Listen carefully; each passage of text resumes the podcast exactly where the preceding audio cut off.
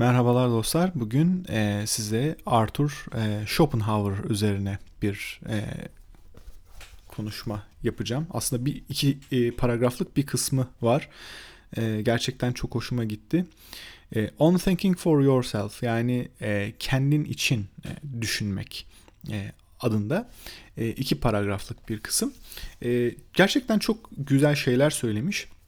Benim çalışma hayatımda e, fark ettiğim e, üzerine düşündüğüm, insanlara anlatmaya çalıştığım e, ama bir türlü de e, başaramadığım e, böyle hani çok basit görünen e, ama diğer taraftan da algılaması e, birçok insan için aslında şaşırtıcı bir şekilde zor e, olan bir e, konudan bahsedeceğim.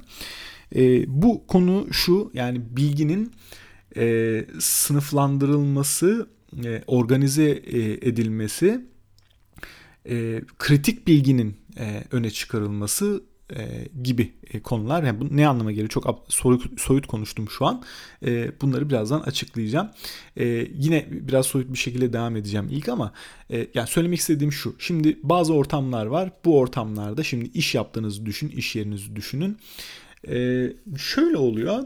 Ya herkes ortaya bilgi yığmaya başlıyor. Çünkü işlerin bitmesi lazım. O işi yapıyorsunuz, bilgi yığıyorsunuz. Bu işi yapıyorsunuz, bilgi yığıyorsunuz. Ve e, bu bilgilere nasıl ulaşılacağı belli olmuyor. Tekrar yapılandırılmıyor. İnsanlar atıyor, geçiyor, gidiyor. Şimdi e, oysa ki aslında bazı bilgilerin ba- başka diğer bilgiler içinden e, ulaşılması e, lazım. Yani sıralı bir şekilde 10 tane bilgi varsa bir hani şöyle düşünelim 10 tane çekmece var. E, birinci çekmeceye bakıyorsunuz, ikinci çekmeceye bakıyorsunuz, üçüncü çekmeceye bakıyorsunuz. Dosyalar böyle sıralanmış. Hepsini tek tek karşılaştırıp kendinizle ilgili dosyayı buluyorsunuz. Bu iyi bir şey değildir. Değil mi? E, Schopenhauer zaten böyle bir e, örnek vermiş. Diyor ki e, en büyük kütüphane bile, şimdi en büyük kütüphane ne olabilir? Düşünün ki kocaman bir kütüphane abartalım. E, bir tarafından diğer tarafına gitmek 30 dakika sürüyor falan böyle yürüyerek.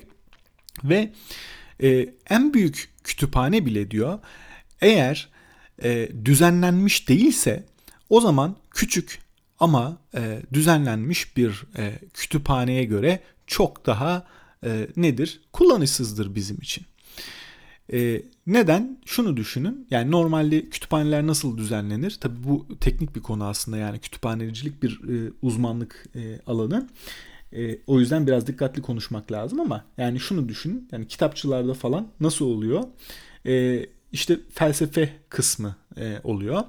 E, ne kısmı oluyor? Hmm, fiction e, kısmı, kurgu kurgu kısmı oluyor. Mesela işte bilim kurgu bilmem ne falan diye bunlar da kendi aralarında ayrılıyor. İşte çocuk kitaplığı falan. Sonra bunların içerisinde de ayrı bölümler oluyor değil mi? Felsefenin içerisinde e, Schopenhauer'ı e, farklı bir yere e, koyuyorsunuz. İşte e, başka kimler var ne bileyim Hegel, Derrida ondan sonra vesaire başka bir yere koyuyorsunuz. Klasik e, felsefeyi e, işte Kikero'yu, Platon'u vesaireyi farklı bir yere koyuyorsunuz. Bunun içerisinde de işte antik Yunan olanları ayrı bir yere koyuyorsunuz. E, Roma e, felsefesi olan e, kısımları farklı bir yere koyuyorsunuz falan değil mi? Ne sağlıyor bu bize? Tek bir bilgi içerisinden hepsine ulaşmamızı sağlıyor. Bu tek bir bilgi ne? Tek bilgi şu ilgili olanların aynı yerde bulunması. Değil mi? Bunu biliyoruz. Yani birbiriyle ilgili bağlantılı olan aynı kategori içerisinde olan kitaplar bir arada. Ha. O zaman neymiş? Ben e, felsefeyle ilgili bir kitap görüyorsam eğer o zaman etrafındakiler de felsefeyle ilgili. Tamam güzel. Bu bize bir e, kolaylık sağladı. E, bunun üzerine başka ne var? Tabii başka bir kritik bilgi daha var. E, bunların bir yerde kaydedilmiş olması değil mi? Gidiyorsunuz, e, soruyorsunuz e, kasiyere vesaireye e, ben şu kitabı bulabilir miyim burada diye. Ha evet var diyor. Arıyor bilgisayarından buluyor. Bu da kritik bir bilgi değil mi? Onun e, içeriğin içerisinden. Şimdi demiştim ya e, bazı bilgilere diğer bilgilerin içerisinden erişiyor olmamız lazım. Hepsini tüm e, o dosyaların hepsini tek tek karşılaştırmak zorunda kalmamız lazım. Tüm çekmeceleri tek tek açıp e, tüm dosyaları okuyup aradığımız bilgiyi bulmak yerine e, bize bunun hani hangisinin nerede olduğunu söyleyecek bir şey olması lazım. İşte o bilgine git kasiyere sor. Değil mi? Neden? Çünkü bilgisayarı var elinde. O oradan arayacak, bulacak e, nerede olduğunu. E, bu açıdan yani Schopenhauer'ın söylediği şey e, çok önemli. Birazdan zaten e, bunu biraz daha açacak. Şimdi bunu da e, şuna dayandırıyor. Diyor ki büyük bir e, bilgiyi diyor biriktirdiğini düşün. Yani düşünün ki mesela ben bu kitabı, kitabın adı neymiş? E, Arthur Schopenhauer'dan işte e, makaleler e, ve aforizmalar diye bir kitap. Burada bayağı bir şey toplanmış. E, bunun hepsini benim ezberlediğimi düşünün. Ama üzerine hiç düşünmedim. Bakın şimdi 5 dakika olmuş. Daha birinci paragrafı bitiremedik. E, bunun üzerine konuşuyoruz. Niye konuşuyoruz? Çünkü daha önceki elimizdeki olan bilgilerle karşılaştırıyoruz ve birleştiriyoruz. Yeni bilgiler oluşturuyoruz. Bu bilginin bizim için anlamını giderek arttırıyoruz. Bunu e, Schopenhauer şey olarak e, anlatmış. E, eğer demiş çok büyük bir miktarda e, bilgiyi e, topladıysanız e, ama bunun üzerine kendiniz için bakın for yourself kendiniz için düşünmediyseniz kendi için düşünmek diye bir kalıp kullanıyor burada. Zaten başlıkta da bunu kullanmıştı. Kendiniz için bunun üzerine düşünmediyseniz o zaman çok daha az bir e, bilgi öğrenseydiniz ama kendiniz için üzerine düşünmüş olsaydınız elde edeceğiniz şeye göre e, faydaya göre çok daha az e, fayda elde edersiniz. E, bunu e, hani malumat furuşluk e, diye de e, adlandırabiliyoruz değil mi? Böyle hani gitmişsin ezberlemişsin yani soruyoruz yorum yapamıyorsun falan. Bu tarz durumlar bu nedenle oluyor. Yani oturuyorsunuz ezberliyorsunuz sadece üzerine düşünüp diğer bilgilerle birleştirmiyorsunuz bağlantı kurmuyorsunuz o zaman olmuyor. Şimdi biraz tabii ne yapmış oldum? Spoiler vermiş oldum. Çünkü bir sonraki cümlede de bundan bahsediyor zaten. Bahsediyor mu? Yok oraya daha gelmemiş. Şimdi arada biraz savrulmuş e, gibime geliyor benim. Yine güzel bir şeyden bahsetmiş. Ama şey e, belki başka bir yerde e, daha sonra bunu yazabilirdi. E, diyor ki sadece diyor ne biliyorsanız e, o You can think about only what you know. Sadece ne biliyorsanız onunla ilgili olarak e, düşünebilirsiniz diyor. Ve diğer taraftan da sadece e, üzerinde düşündüğünüz şeyler hakkında e, bilebilirsiniz diyor.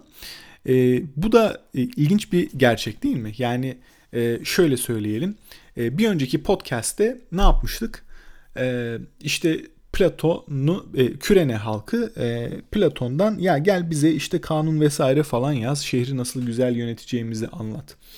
Platon da diyor ki ya ben bunu yazarım hoşunuza gitmez. E, sonra bunu ne yaptık sınıflandırdık. E, sınıfımız neydi? İşte bir e, filozofun e, siparişi üst üzerine bir ülkenin nasıl yönetileceği üzerine e, yazı yazmasının istenmesi. Ee, ve Platon ne yapmış? Platon'un cevabı reddetmek olmuş. Jean-Jacques Rousseau'nun cevabı ne olmuş? İşte e, Litvanya, e, Litvanya, Polonya e, Milletler Topluluğu yani Commonwealth'inin e, başındaki kral e, Stanislaus e, Augustus e, bu tarz bir istekte bulunduğu zaman Jean-Jacques Rousseau yazmış. Ha tamam olur demiş. İşte Polonya'nın e, yönetimi üzerine, yönetilmesi üzerine diye kitap yazmış. Ve ne olmuş? E, Platon'un kendisi için tahmin ettiği Jean-Jacques Rousseau için geçerli olmuş. Demişler ki ya yok bu, bu, bu olmaz. Bu şekilde olmaz. Niye? Çünkü yani sıfırdan bir şey tasarlıyorsunuz. İki taraf da haklı. Baktığınız zaman tabii ki e, bir taraftan Jean-Jacques Rousseau'nun bir e, bu konuda bir yazı yazması değerli. Neden? Çünkü bir girdi sağlıyorsunuz. Yani bazı söylemiş olduğu şeyler faydalı olabilir. E, hepsi olamaz ama sıfırdan sistem tasarlamak biraz saçma bir şey. Çünkü deneme yanılmayla proje şeklinde yapmanız gerekiyor. Bu konuda zaten konuşmuştuk. Ama e, diğer taraftan e, da kral da haklı. E, neden? Çünkü gerçi kralın neden haklı olduğunu açıkladık değil mi? Sıfırdan yapamazsınız falan diye. Neyse e, iki tarafı var. E, şimdi ne yapmış olduk? E, elimizdeki bilgileri böyle birleştirdik. İki bilgiden üçüncü bir bilgi daha e, oluşturmuş olduk. Ama bunu yaparken ne yapıyoruz? Sadece bildiklerimiz üzerinden konuşabiliyoruz. Bildiğimizin üzerine düşünebiliyoruz. Bilmediğimiz bir şeyin üzerine düşmek zaten e, nasıl söyleyeyim çok saçma yapabileceğimiz bir şey değil değil mi? Gücümüzün e, dışarısında. E, ama diğer taraftan da işte düşündüğümüz şeyi e, biliyoruz. Yani düşünmemiz gerekiyor üzerine. Böylece e, düşünüp e, yeni bir fikir üretiyoruz. O ürettiğimiz fikri biliyoruz ve bu bildiğimiz şeyi de ne yapmamız gerekiyor? E, doğrulamamız lazım aslında. Değil mi? İnternetten bakıyoruz. Acaba gerçekten doğru düşünmüş müyüm? E, falan diye. E, buna tam bir örnek veremeyeceğim ama e, bazı tahminlerde bulunursunuz bazen. E, o tahminleri kontrol etmeniz lazım. Tahminleri e, sağa sola sallamaya başlarsanız insanlara sıkıntı e, oluşturursunuz. Bu çok oluyor zaten.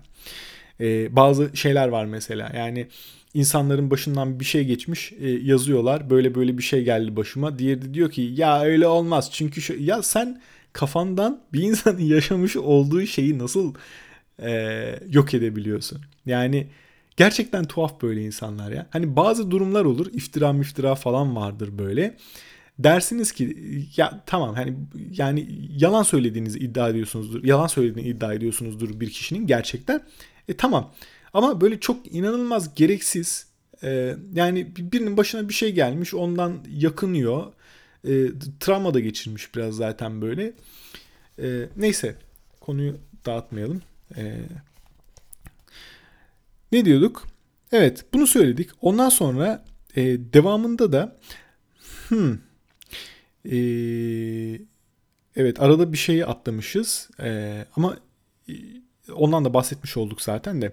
Yani kafamızdaki her doğruyu başka bir doğruyla e, karşılaştırarak e, ancak e, bilginizin mülkiyetini elde edebilir ve bunun gücünüz haline gelmesini sağlayabilirsiniz diyor. Bu da az önce bahsettiğimiz şey aslında değil mi? Yani yeni bilgi öğreniyoruz e, ve bunun üzerine düşünüyoruz. Şimdi ne olmuş? İşte 10 dakika boyunca bu paragraf üzerine e, konuşmuşuz. Artık iyice muhtemelen oturmuştur. Muhtemelen sizin de aklınıza birçok şey gelmiştir. E, onları da siz kendi bilginize eklediniz. E, umarım bir yerde e, yazarsınız ben de okurum. E, evet ikinci paragrafa geçiyoruz. Orada da e, ilgiden bahsetmeye başlıyor. Diyor ki kendinizi okumaya ve öğrenmeye gönüllü olarak yönlendirebilirsiniz. Ancak kendinizi düşünmeye e, gerçekten yönlendiremezsiniz. E, bu e, çok güzel bir cümle. E, şöyle diyor devamında. E, düşünce alevlendirilmesi gereken bir şeydir diyor. Ve e, düşüncenin devam edebilmesini sağlamak için de bu konu üzerine bir ilgi geliştirmeniz gerekir diyor. Şimdi e, burada söylemek istediği şey ne? Hani gönüllü bir şekilde okumaya e, ve öğrenmeye kendinizi yönlendirebilirsiniz. Yani bu nasıl oluyor? İyisi mi gideyim de Schopenhauer okuyayım biraz. Oturuyorsunuz, okuyorsunuz. Sonra internette e, o paragrafla ilgili yapılmış olan yorumları e, dinliyorsunuz, okuyorsunuz vesaire falan. Öğreniyorsunuz. Ha böyle söylemiş falan. E, bunu yapabilirsiniz. Neden? Bu bir aksiyon çünkü. Değil mi? Dön işte dinlemeye başla, okumaya başla vesaire. Şimdi bu e, bir tarafta. Ama e, insan beyninin e, çok kullanışlı bir e, özelliği var. Şimdi e, şöyle söyleyeyim yani biz bir sürü sinyalle karşılaşıyoruz değil mi? Devamlı ben bir takım şeyleri görüyorum. Gözüm açık çünkü. E, şimdi salonum şeyle birleşik, mutfakla e, birleşik. Ne bileyim buzdolabı görüyorum mesela ne bileyim dolapları falan görüyorum, masamı görüyorum, işte laptopumu görüyorum, sandalyemi görüyorum vesaire bir sürü şey var aslında etrafımda. Ama bunlar ilgimi çekmiyor. Bunlar kafama girmiyor. E, bir takım ne bileyim gereksiz mesela sinek geçse önümden e, bunu 5 dakika sonra unutacağım. Benim için bir faydası yok çünkü onun değil mi? Beyin e, kendini bazı şeylere hani neye ilgi duyuyorsanız o ilgi duyduğunuz şeye açıyor ve sünger gibi emmeye başlıyor. Ha, ve üzerine düşünüyorsunuz da e, dolayısıyla hem aldığınız sinyali hatırlıyorsunuz hem onun üzerine ürettiğiniz şeyleri, hatıraları, konuşmalarınızı vesaire falan bunları hatırlıyorsunuz değil mi? Ben mesela e, öğrendiklerimi anlatarak e, işitsel e, olarak da destekliyorum yani hatırlamaya çalışıyorum falan e, ilgi yaratmaya çalışıyorum aslında e, düşündüğüm konuya. Eğer e, yaptığınız iş üzerine bir ilginiz yoksa yani iş yerinde çalıştığınızı düşünün e, ofis işiniz olsun böyle Excel, Word vesaire falan açtınız orada tablolar moblalar üzerine çalışıyorsunuz. Benim yaptığım bir şey değil ama e, herkesin anlayabilmesi açısından e, bu şekilde e, anlatıyorum. Açtığınız Excel'i E, oraya işte rakamları makamları giriyorsunuz falan rapor yazıyorsunuz veya Word'de. E, şimdi bu işi yaparken e, eğer bir ilginiz yoksa e, o zaman e, ya beyin kendini kapattığı için o sünger bayağı şey oluyor. Sıkıntı çekmeye başlıyor. Çok azını emiyor yani. Çoğunu e, aklınızda tutamıyorsunuz falan. Anlamlandırmıyorsunuz elinizdeki e, bilgiyi. E, yani işi yapıyorsunuz yani. E, ve e, bu sinyalleri hani seçici bir şekilde hatırlama veya yok etme veya e, ne bileyim üzerine düşünme e, konusunda daha fazla istekli olma olayını o yüzden Schopenhauer ne olarak adlandırmış? Bir ateş yakma, e, alevlendirme e, olarak adlandırmış. E, diğer taraftan gönüllü olarak hani öğrenebilirsiniz, okuyabilirsiniz bu mümkün ama ilgi geliştirmek ayrı. ilgi geliştirmek biraz daha e, pasif bir durum.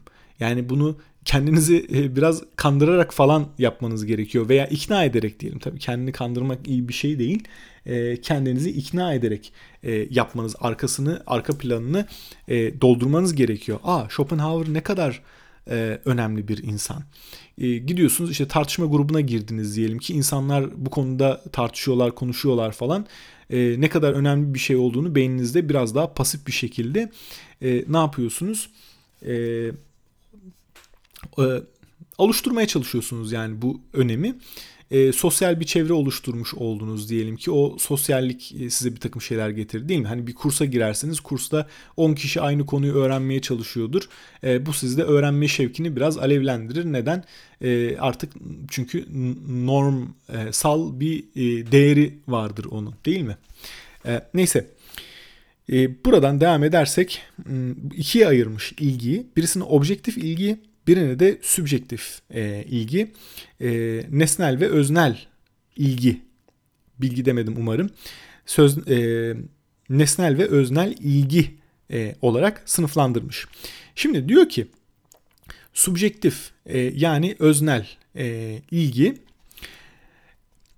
nasıl e, mümkündür? E, kişisel ilgiyle mümkündür. Şimdi ben buna bir örnek vereceğim.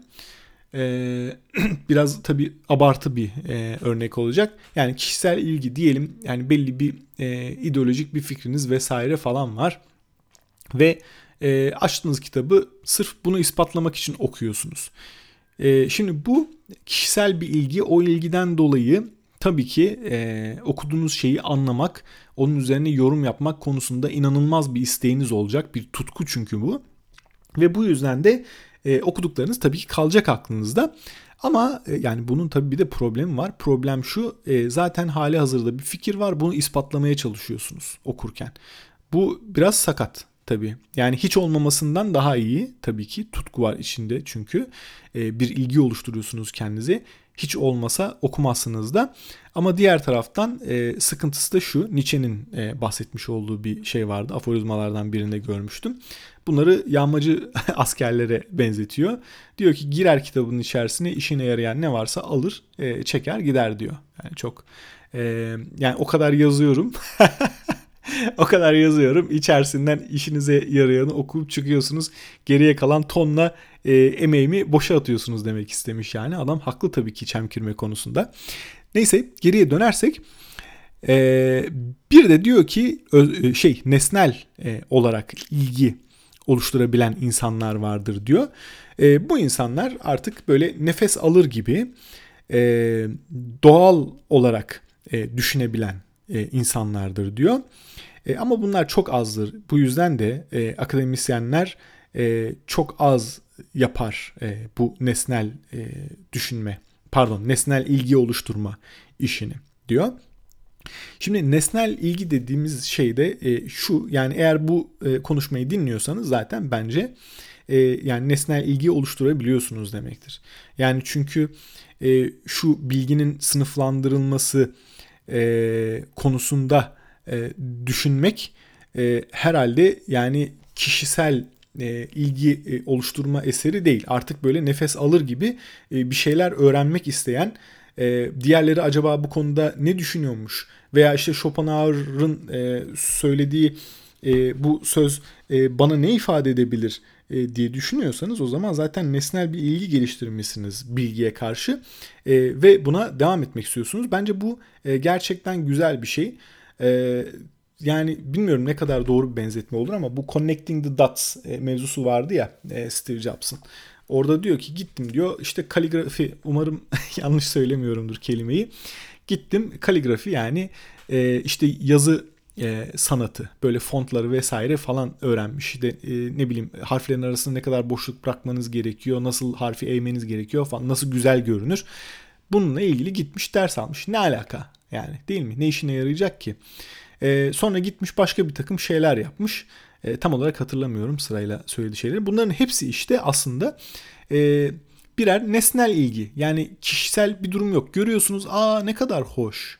Ya ben bunu e, bu, bununla uğraşırsam karşıma e, bir sürü yeni bilgi çıkacak. Bunları sınıflandıracağım falan. Hoşuma gitti bunun üzerine çalışmak diyorsunuz. Bu işte nesnel ilgi geliştirmişsiniz siz bilgiye karşı. Gördüğünüz yerde ne olduğu önemli değil. Hoş bir şeyse e, öğrenmeye başlıyorsunuz değil mi? Ve sonunda da ne oluyor?